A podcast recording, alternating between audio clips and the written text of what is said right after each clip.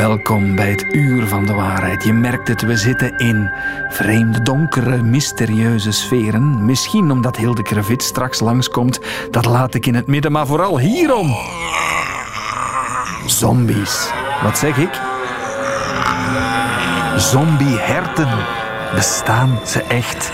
Dat zoeken we uit. Welkom bij jouw vaste afspraak in de strijd tegen misleiding, fake news en desinformatie. Het uur van de waarheid met Dennis van den Buis. We hebben vragen binnengekregen bij VRT Nieuws via allerlei kanten, want op TikTok gaan er filmpjes rond van zombieherten. Breaking news! Zombie deer disease concerns scientists over possible spread to humans. Deer that have this disease right here are known as zombie deer, and this is because even though they're alive now, they won't be for very much longer. The discovery of Yellowstone National Park's first case of chronic wasting disease last month has raised concerns that the fatal brain disease may someday spread to humans. As we confront this mysterious threat, one can't help but wonder are we on the verge of a zombie apocalypse or is it a threat we can overcome? Je hoort heel veel Yellowstone, gevaarlijk voor de mens. Wat zien we? Ik zal het even zeggen. Het zijn herten die in cirkels uh, ja, lekker rond te dolen. Ze kwijlen, soms ook gezwellen. Met een doodse blik staren ze voor zich uit. Dorien van Meldert, goedemorgen. Goedemorgen, Dennis. Heel veel van onze jonge luisteraars en kijkers vragen zich vooral af Klopt dat? Zijn dat echte zieke herten op die beelden? Ja, het het is eigenlijk allemaal begonnen door een geval van de chronic wasting disease. Die is, uh, dat is een ziekte bij hertachtigen. Die is uh, opgedoken in Yellowstone National Park. Dat is een groot natuurpark in de Verenigde Staten. Een paar maanden geleden al is dat eigenlijk gebeurd, november 2023. Mhm. Dat is groot in het nieuws geweest. En dat heeft ervoor gezorgd dat er op TikTok enorm veel filmpjes zijn gemaakt over zombieherten. Die chronic wasting disease wordt ook in de volksmond de zombie-ziekte uh, voor herten genoemd. En ja, TikTok staat er vol van herten die in cirkels om zichzelf lopen, die kwijlen, inderdaad lege, een lege blik, lege ogen hebben. Maar niet alle filmpjes zijn even geloofwaardig of betrouwbaar eigenlijk. Ik heb er eentje gezien van een hert dat uit de dood lijkt recht te krabbelen, vieze bewegingen maakt. Ook dat wordt gezegd is zo'n zombiehert. Ja, dat is een video die miljoenen keren bekeken is. Iets van een 4 miljoen keer intussen. Mhm. En dat blijkt eigenlijk een fragment uit een zombiefilm uit Zuid-Korea te zijn, Train to Busan. Dus niet al die filmpjes zijn echt uh, dieren met die ziekte, die chronic wasting disease. Ook bijvoorbeeld video's van um, herten met grote zwellingen op hun lichaam is eigenlijk ook helemaal niet die ziekte. Okay. Um, maar sommige zijn dan weer wel echt, maar is ook wel heel veel fake video's erover. Eén ding staat vast, het gaat viraal en dat wordt ook gedreven door de angst en de beweringen, hebben we daarnet ook al gehoord in die Amerikaanse fragmenten, dat er misschien een ziekte op mensen zou overgedragen worden. Of dat klopt, dat gaan we ook eens vragen aan de mensen van Cienzano. Jawel, die houden zich niet alleen met COVID bezig, maar dus ook met deze ziekte. Severin Matthijs, bioloog bij Cienzano, is bij ons. Severin, goedemorgen. Goedemorgen. Die ziekte bij die herten, wat is dat juist? Wat doet dat met die beesten? Wel, uh, chronic wasting disease is uh, een vrij aparte ziekte. Het wordt namelijk niet veroorzaakt door een virus of door een bacterie, maar door een speciaal soort eiwit. Als je je nog herinnert, misschien uh, eind jaren 90, begin 2000, was er in België de gekke koeienziekte. En uh, chronic wasting disease is gelijkaardig aan die gekke koeienziekte. Mm Het is een ziekte waarbij het zenuwstelsel aangetast wordt. En het is een progressieve aandoening. Dus het begint onopvallend, maar de symptomen worden dan altijd maar erger en erger. En is het besmettelijk? Want dat denken heel veel mensen die die filmpjes verspreiden ook. Dit is gevaarlijk, voor de mens ook. Het is besmettelijk onder hertachtigen, in sommige gevallen. Um, maar voor de mens kan het waarschijnlijk geen kwaad. Dus er zijn nog geen, er zijn geen gevallen bekend van mensen die besmet zijn door een dier met chronic wasting disease. En er zijn meerdere wetenschappelijke studies geweest al met apen, met mensapen, um, ook met genetisch gemodificeerde muizen, waarbij dat die vlees of hersenweefsel gekregen hebben te eten van, uh, van zieke dieren. Mm -hmm. Maar dat heeft niet geleid tot een, een bewijs dat chronic wasting disease kan overgedragen worden naar mensen. Ja. Maar het kan niet volledig uitgesloten worden. Nee, ik zou er toch niet van eten als ik, als ik die beelden zie. Um, los van wat jij allemaal vertelt, er is wel een epidemie aan de gang in de VS en Canada, wordt gezegd. Het is geen virus, het is geen bacterie. Hoe komt die daar dan plots? Chronic wasting disease is in de jaren 60 voor het eerst gevonden in, uh, in Amerika. En sindsdien heeft dat zich heel traag verspreid. Dus ondertussen komt het voor in, uh, in veel kolonies, uh, in veel kuddes van die grote hertachtigen in de VS en in Canada. Maar hoe het net begonnen is, ja, dat is heel moeilijk om, om terug naar de oorsprong te gaan. Ja, ja, maar het is er wel. En is dat ook, want je spreekt over Noord-Amerika, ook in Europa en bij ons al gedetecteerd? Uh, ja, in, uh, in Europa werd het voor het eerst gevonden in uh, Noorwegen in 2016. En sindsdien zijn er een paar gevallen gevonden, nog in Noorwegen, in Finland en in Zweden. Dus ook landen waar grote populaties zijn van elanden en rendieren en, en andere hertachtigen. Maar in Europa is het heel zeldzaam. Mm-hmm. Dus in die drie landen worden elk jaar tienduizenden dieren getest die ja, geschoten worden door jagers of die doodgevonden worden. En uh, de voorbije jaren zijn er elk jaar maar een paar positieve dieren gevonden. Ja, maar toch opvallend, bij Cienzano monitoren jullie ook die ziektes bij dieren in ons land. Dat wist ik eigenlijk niet, dat jullie ook met dieren bezig waren. Ja, ja, absoluut. Bij Cienzano worden zowel uh, ziekten bij de mens als ziekten bij dieren gemonitord. En ook ziekten die bij zowel mensen als dieren voorkomen. Mm-hmm. Dus als um, we in het bos zo'n hert zien, moeten we het aan jullie melden? Moest je een hert zien met uh, vreemde symptomen, ja, dan mag dat zeker gemeld worden aan ons of aan, uh, aan een andere overheid. Okay. We krijgen bij Cienzano af en toe stalen van herten maar die testen altijd negatief. Nu we jou dan toch aan de lijn hebben en je hebt een overzicht over wat er allemaal beweegt. Wij hebben het nu over die zombieziekte, hier bij ons zeldzaam. Zijn er andere epidemieën in het wild die bij ons nu wel aan het rondgaan zijn? Ja, er zijn altijd wel, uh, altijd wel iets. Um, de, de vogelgriep is momenteel uh, heel belangrijk in België. Daarvan wordt ook wel bericht in het nieuws. Bij zoogdieren momenteel um, is het rustig. Laten we dat zo houden bij het begin van dit jaar 2024. Ik onthoud zombieherten. Ze zijn echt wat ik misschien nog niet gevraagd heb. Gaan ze daaraan dood, Severin? Ja, jammer genoeg uh, bestaan er geen uh, medicijnen tegen die ziekte. Ook geen vaccin. Dus uh, de dieren gaan er aan dood. Ze gaan, kunnen er niet van genezen. Bij deze helemaal bijgepraat over het fenomeen en ook hoe het viraal is kunnen gaan. Ingegeven door die angst onder meer dat het overdraaglijk is op de mens. Maar daar zijn voorlopig nog geen harde bewijzen van. Severin Matthijs van Cienzano en collega Doreen van Melders van de Check-redactie van VRT Nieuws. Dank jullie wel voor jullie tijd. Graag gedaan. Graag gedaan. Wat is het mooiste plekje van West-Vlaanderen? Wie in die provincie woont en wel eens op Facebook zit, die heeft heel veel advertenties, een campagne gezien met de oproep Stem, wat is het mooiste plekje van West-Vlaanderen? Elk dorp heeft namelijk ook ja, een aantal genomineerden gekregen. En we gaan het erover hebben, want er is meer aan de hand dan je denkt. Met mijn favoriete Limburger met een hart voor West-Vlaanderen, Tim Verheijden. Goedemorgen.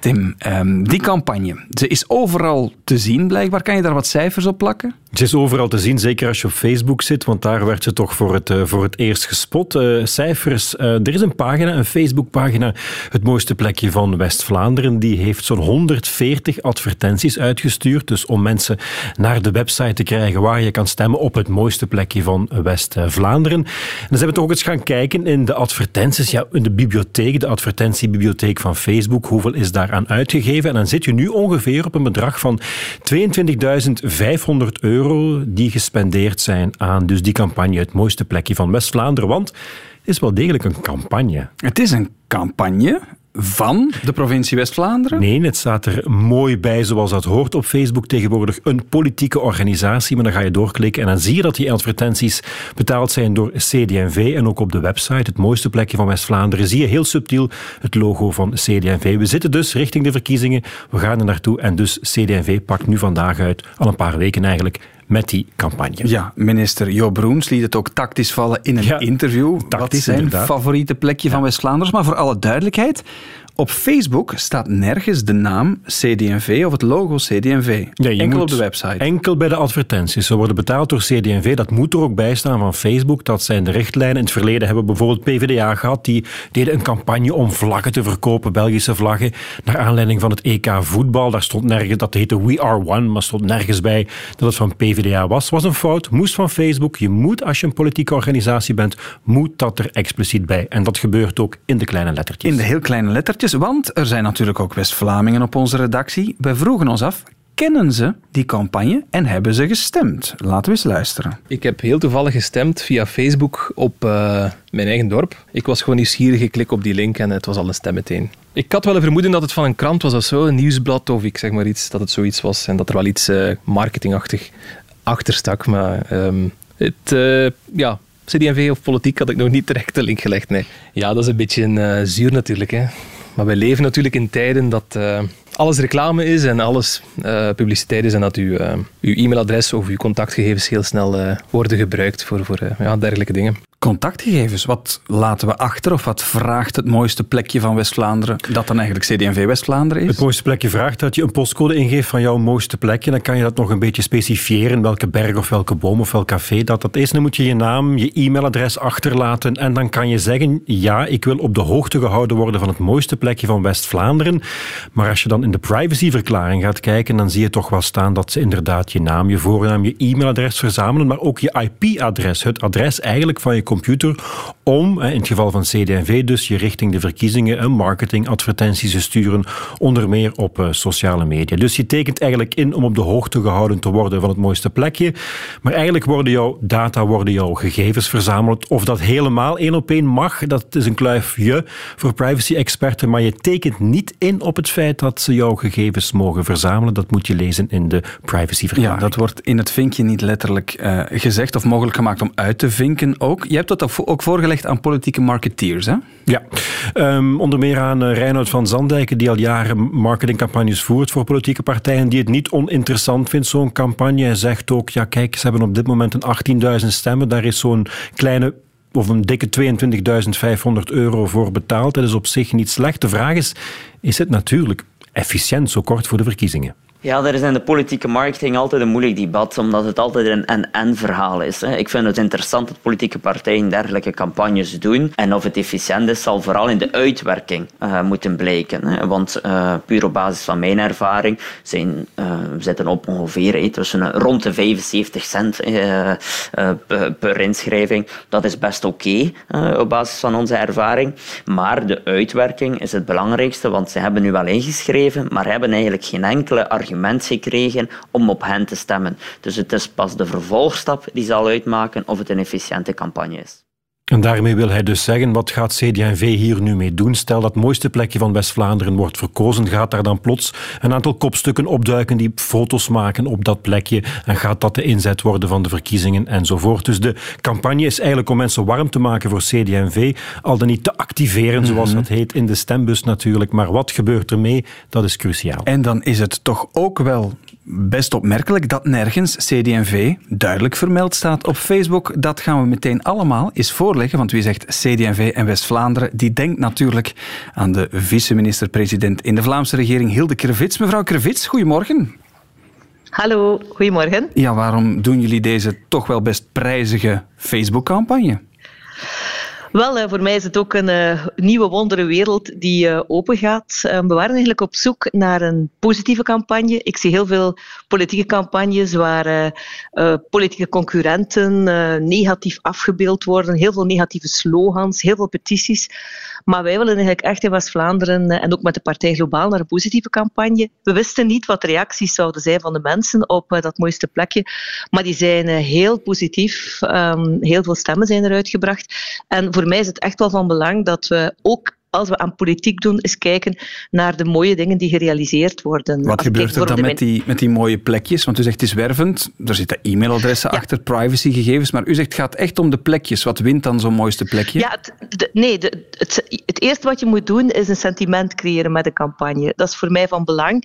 Als ik bijvoorbeeld kijk, in Torhout uh, is er een mooiste plekje dat eigenlijk een... Uh, een, een bassin om water te verzamelen als het heel hevig regent, dat, uh, waar eigenlijk heel veel geïnvesteerd is, maar dat is een prachtige plek geworden waar dus ook Vlaamse en uh, provinciale investeringen aan vasthangen.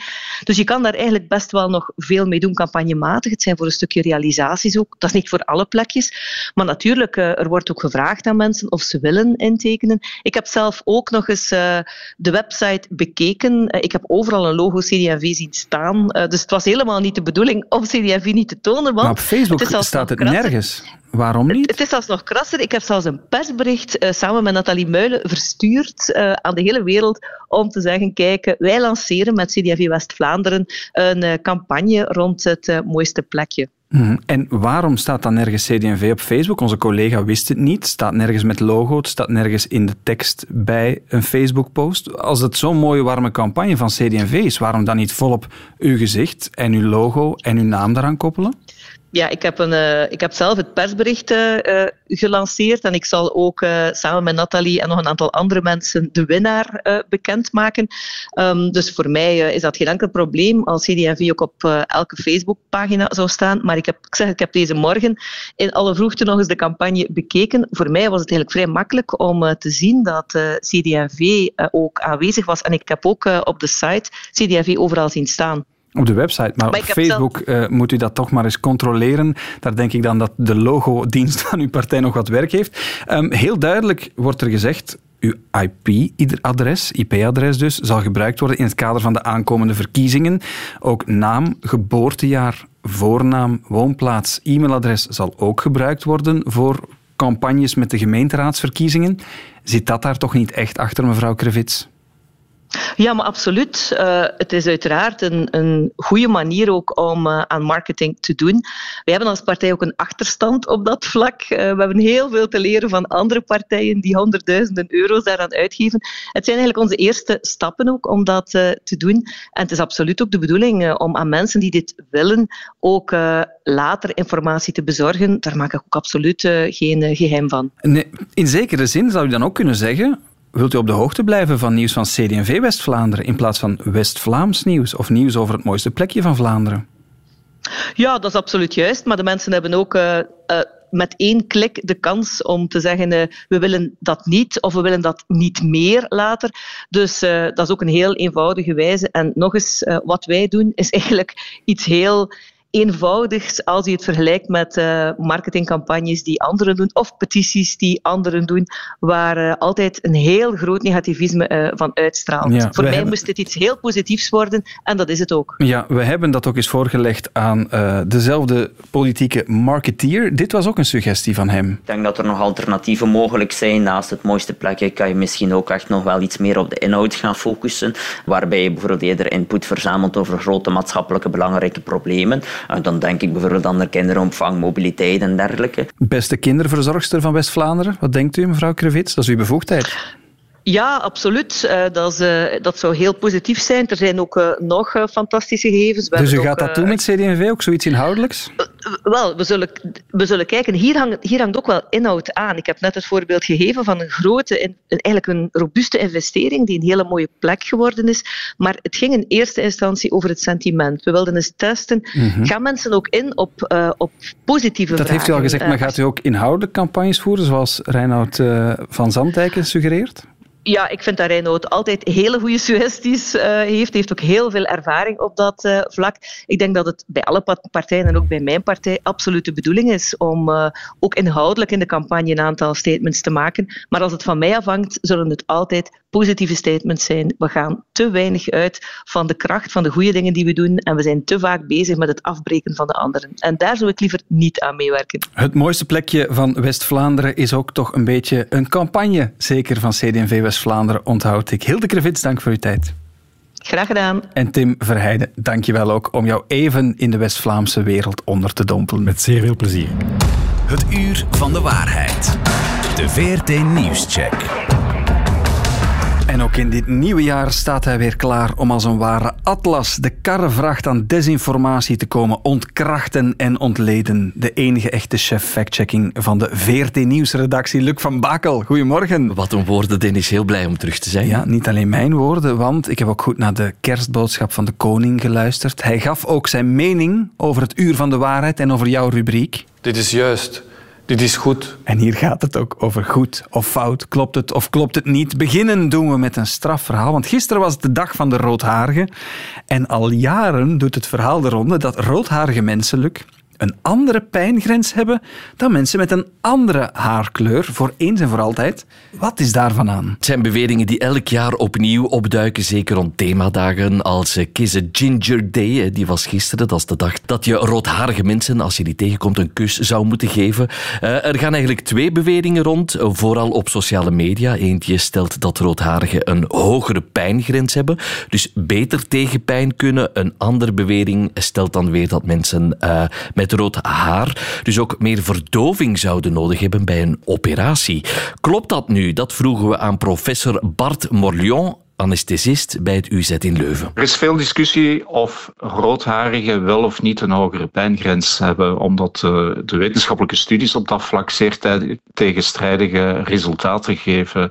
Um, het wordt uh, in ieder geval in verband gebracht met het uh, gen, dus het erfelijk materiaal dat bepaalt hoe je huidskleur is en de kleur van je haren. En er zijn veel variaties op. En hetzelfde geldt eigenlijk voor het gebruik van anesthetica. Dus wanneer een roodharige in slaap gedaan wordt, heerst ook nog het fabeltje dat die meer verdoving zouden hebben, maar dat kan je eigenlijk wetenschappelijk ook niet hard maken. Conclusie. Hebben roodharigen een andere pijngrens en dus ook een andere verdoving nodig dan andere mensen? Ja, pa, nee, pa, ja, pa, Ja. De wetenschap is verdeeld. Studies die het aantonen en studies die het tegenspreken. Er is nog meer onderzoek nodig, al zou ik aanraden om niet eigenhandig de pijngrens van roodharigen te gaan testen. We gaan iets anders doen, Luc. De lijn de druk besproken openbaar vervoersmaatschappij in Vlaanderen gaat fors investeren in elektrische bussen. Maar nu duiken er uit het hoge noorden verhalen op, met deze vrieskou ook in Noorwegen, dat die bussen niet tegen ijstemperaturen zouden kunnen. Wat is dat allemaal? Wel, in hoofdstad Oslo is er de jongste jaren heel fors geïnvesteerd in elektrische bussen. Eh, onder meer de Belgische busbouwer Van Hool, die heeft daar exemplaren geleverd. Nu, de voorbije weken was het uh, ja, bitter koud daar in Noorwegen, tot wel min 30 graden op sommige dagen. En nu gaat dus het verhaal de ronde dat heel dat busnetwerk met die elektrische bussen daar in Oslo in een volledige chaos werd gestopt door die uh, vrieskoude. En wel omdat de batterijen van die bussen problemen zouden krijgen door die koude. Uh, maar wat moeten we nu van dat hele verhaal denken? Dat hebben we laten uitzoeken door onze factchecker Rien Emery. Het is niet wat er precies aan de hand is. Um, er zijn een aantal bussen afgeschaft. Uh, op de ergste dag liep het op tot duizend ritten die geschrapt zijn. Op een gemiddelde van ongeveer 15.000 ritten per dag. Dus het gaat nog altijd maar op minder dan 10% van alle ritten. Maar er zijn inderdaad problemen. Niet dat de bussen niet werken, maar net zoals elk elektrisch apparaat of elke elektrische auto, moeten ze uh, sneller opgeladen worden om hun bereik te halen. En de, uh, de ritten die voor gepland zijn, zijn daar niet op afgestemd. Maar het is niet zo dat het daar uh, volledig in het honderd loopt. je kan er nog steeds de bus nemen. Ja, zijn er busritten geschrapt omdat die batterijen door extreme koude iets minder lang meegingen? Ja, dat moeten we zeggen van wel. Maar was er grote buschaos? Nee, want ik hoor Rien ook zeggen, meer dan 90% van de lijnen reed gewoon als vanouds uit. Dan moeten we het helaas in dit nieuwjaarlijk ook nog opnieuw hebben over de oorlog in Gaza. Die duurt voort. En in de marge daarvan las ik dat Google een stemming organiseert met de vraag hoe moeten wij bijvoorbeeld op Google Maps de regio daar nu noemen? Moeten we Israël op onze kaart zetten of Palestina? Ja, Klopt dat verhaal? Dat, uh, dat gaan we, hebben we toch onderzocht. Het gaat hier om een website die gedeeld wordt via sociale media, maar ook via uh, WhatsApp bijvoorbeeld. En op die website kun je inderdaad stemmen. Hè. Er wordt gevraagd van ben je nu pro-Israël of ben je uh, Palestina? Geef je dan maar je stem. En dan staat erbij, ja, Google Maps die gaat kiezen voor de naam met de meeste stemmen om dan te gebruiken op al haar platformen. Dus onze collega Ellen de Bakker, die hebben we toch eens naar die website laten kijken. Eigenlijk wordt de peiling gebruikt om er geld uit te slaan. We hebben ontdekt dat achter de website een Litouws bedrijf zit dat de peiling gebruikt om meer bezoekers naar zijn website te lokken. En we zien ook dat mensen er zelfs stemmen kunnen kopen. Op de website zelf stond er een advertentie die linkte naar dat Litouwse bedrijf. En als we dan naar dat bedrijf gingen kijken, zagen we dat dat bedrijf ook nog andere peilingen aanbood, zoals bijvoorbeeld Rusland of Oekraïne. Google Maps heeft ons ook laten weten dat zij helemaal niets met die peiling te maken hebben en dat zij landgrenzen niet bepalen op basis van peilingen. Maar ongelooflijk. Dus gewoonweg geldgewin op kap eigenlijk van een oorlog. Is dat een echte enquête van Google Maps? Er wordt veel te veel gelogen tegen ons. Nee, totaal niet. Litouws bedrijf hoopt geld eraan te verdienen. Sans gêne, zeggen ze dan. Luc, waar kunnen we al deze factchecks nalezen? Wel, alle drie uh, deze verhalen die vind je terug op de website van VRT Nieuws. En als je nog meer factchecks wil lezen, kan je ook altijd eens gaan kijken op de pagina van de checkers.be. Daar staan verhalen van KNAK, Factcheck Vlaanderen en nog veel meer partners. Luc, met heel veel plezier zeg ik tot volgende week. Graag gedaan. We zijn intussen in 2024 een gigantisch belangrijk verkiezingsjaar. Als ik me niet vergis, zijn er wereldwijd tientallen verkiezingen. Zowat de helft van de wereldbevolking mag naar de stembus. En ook in Taiwan. En dat ligt natuurlijk dicht bij China. Wie zegt China en inmenging, die denkt misschien aan de spionagezaak van Vlaams Belang, waar onderzoek naar gedaan wordt. Geruchten over impact op onze zonnepanelen en de Chinese omvormers. Wat moet dat dan wel niet zijn in dat democratische eiland dat Xi Jinping graag terug bij China zou voegen? Op de dag van de verkiezingen gaan we naar Tom van de Wegen in Taiwan. Tom, goedemorgen. Goedemiddag hier intussen, ja. ja. Proberen de Chinezen de verkiezingen daar te beïnvloeden? Wel, dat is uh, natuurlijk de vraag. Hè. Je ziet hier de voorbije weken allerlei verhalen de ronde doen. Uh, de meest hallucinante verzinsels. Hè. Bijvoorbeeld dat de Taiwanese regering bloed aftapt van de burgers om dat aan de Verenigde Staten door te spelen, zodat ze daar een biochemisch wapen kunnen van maken om China aan te vallen. Uh, ja, omdat de meeste Taiwanese natuurlijk dezelfde bloedbanden hebben met de Chinezen. maar ook dat Taiwan vergiftigd varkensvlees importeert uit Amerika, dankzij de huidige president of dat er een tekort aan eieren zal ontstaan als haar partij voor de derde keer wint. Dus ja, um, het is heel moeilijk dat allemaal vast te pinnen, maar er circuleert van alles momenteel, ja. Ja, en zijn dat berichten die ook echt vanuit China komen? Kunnen we dat bewijzen, dat dat bewust gebeurt om die verkiezingen te manipuleren of te sturen? Wel, dat is de grote vraag natuurlijk. Hè. Wie zit erachter? ik sprak de voorbije dagen met verschillende organisaties die, die desinformatie proberen op te sporen, zoals uh, Cofax, Kuma Academy. En zij moeten toegeven dat het altijd heel moeilijk is om met 100% zekerheid te zeggen dat het China is die hierachter zit. Want je weet, ja, eh, tegenwoordig valt dat moeilijk te bewijzen. Hè. Met technologische middelen kan je bij wijze van spreken deze informatie vanuit een keldertje in pakweg Timbuktu laten aanmaken. Mm -hmm. uh, maar wat wel duidelijk is, is dat de Chinezen van het vasteland de grootste verspreiders zijn van dergelijke nepberichten. Hè. Uh, er zijn hier trouwens recent ook Taiwanese parlementskandidaten opgepakt. Hè. Die zouden betaald zijn door China om het debat in een bepaalde richting te sturen. En dat doet inderdaad wat denken aan wat bij ons gebeurd is met, met Vlaams Belang. Maar omgekeerd maakt ook ja, de huidige regeringspartij DPP zich schuldig aan deze informatie. Een paar dagen geleden nog zagen we dat alle Taiwanese bijvoorbeeld dat sms'je kregen met een Chinese raket die onderweg zou zijn boven Taiwan, terwijl het om een lancering van een Chinese satelliet gaat. Dus ja, alle partijen zijn uh, betrokken in deze informatieoorlog. Dus niemand is onschuldig. Nee, en ook deepfakes hebben hun intrede gedaan blijkbaar. Ja, dat klopt. Hè. Nieuwe, nieuwe technologische middelen worden ook ingezet. Hè. Zo waren er een aantal deepfakes over uh, bijvoorbeeld de koploper van de DPP die drie minnaressen zou hebben. Of een kandidaat die in een compromitterend seksfilmpje werd gesignaleerd. YouTube heeft die video's intussen wel verwijderd. maar het is dus echt wel een cocktail van desinformatie of ja, cognitieve oorlogsvoering, zoals dat ook genoemd wordt. Zelfs worden massaal automatische bots ingezet uh, die sociale pagina's van, uh, van sommige kandidaten overspoelen met Chinese Mhm. propaganda. Dus uh, je ziet van alles opduiken. Ja. Ja, en dat met de achtergrond, want ik heb jouw stuk ook gezien over de wapens in Taiwan. De schrik voor een oorlog met China, die zit er dik in. Heeft dat impact, al die berichten? Worden mensen daardoor van het ene naar het andere idee gestuurd? Ja, dat is natuurlijk. Um, de vraag, hè, wat de impact zal zijn, zal pas duidelijk zijn als die verkiezingsuitslagen definitief bekend zijn. Mhm. Ehm, in die zin zijn het heel belangrijke verkiezingen natuurlijk. Maar je ziet dat, dat die desinformatie natuurlijk twijfel moet zaaien uh, in de hoofden van de Taiwanese. Hè. Uh, stemmen ze voor iemand die meer banden aan wil halen met uh, China, met het vasteland, of iemand die juist die onafhankelijke koers wil varen en, en met het risico dat het dan misschien wel tot een oorlog komt. Dus je ziet dat in al die berichten dat de onderliggende gedachte is. Hè. Twijfel zaaien uh, in dat stemhokje en, en dan uh, ja, zullen we zien uh, later vandaag of morgen -hmm. wat de uitslag, wat, wat dat van effect zal gehad hebben. Ja, want de vraag is natuurlijk, dit zijn verkiezingen. Je hebt ook de uitspraken van de Chinese leider Xi, die duidelijk naar Taiwan hinten als een van de doelen van 2024. Zal dit stoppen, denk je? Nee, het gaat uiteraard niet ophouden na deze verkiezingen. Deze verkiezingen zijn eigenlijk maar een begin. Hè. Um, je zegt het goed, 2024 is een cruciale datum, maar waar het Chinees om draait is 2049. Hè. Tegen dan moet eigenlijk die hele... Uh, Anschluss of aansluiting van, van Taiwan bij het vasteland uh, uh, afgerond zijn.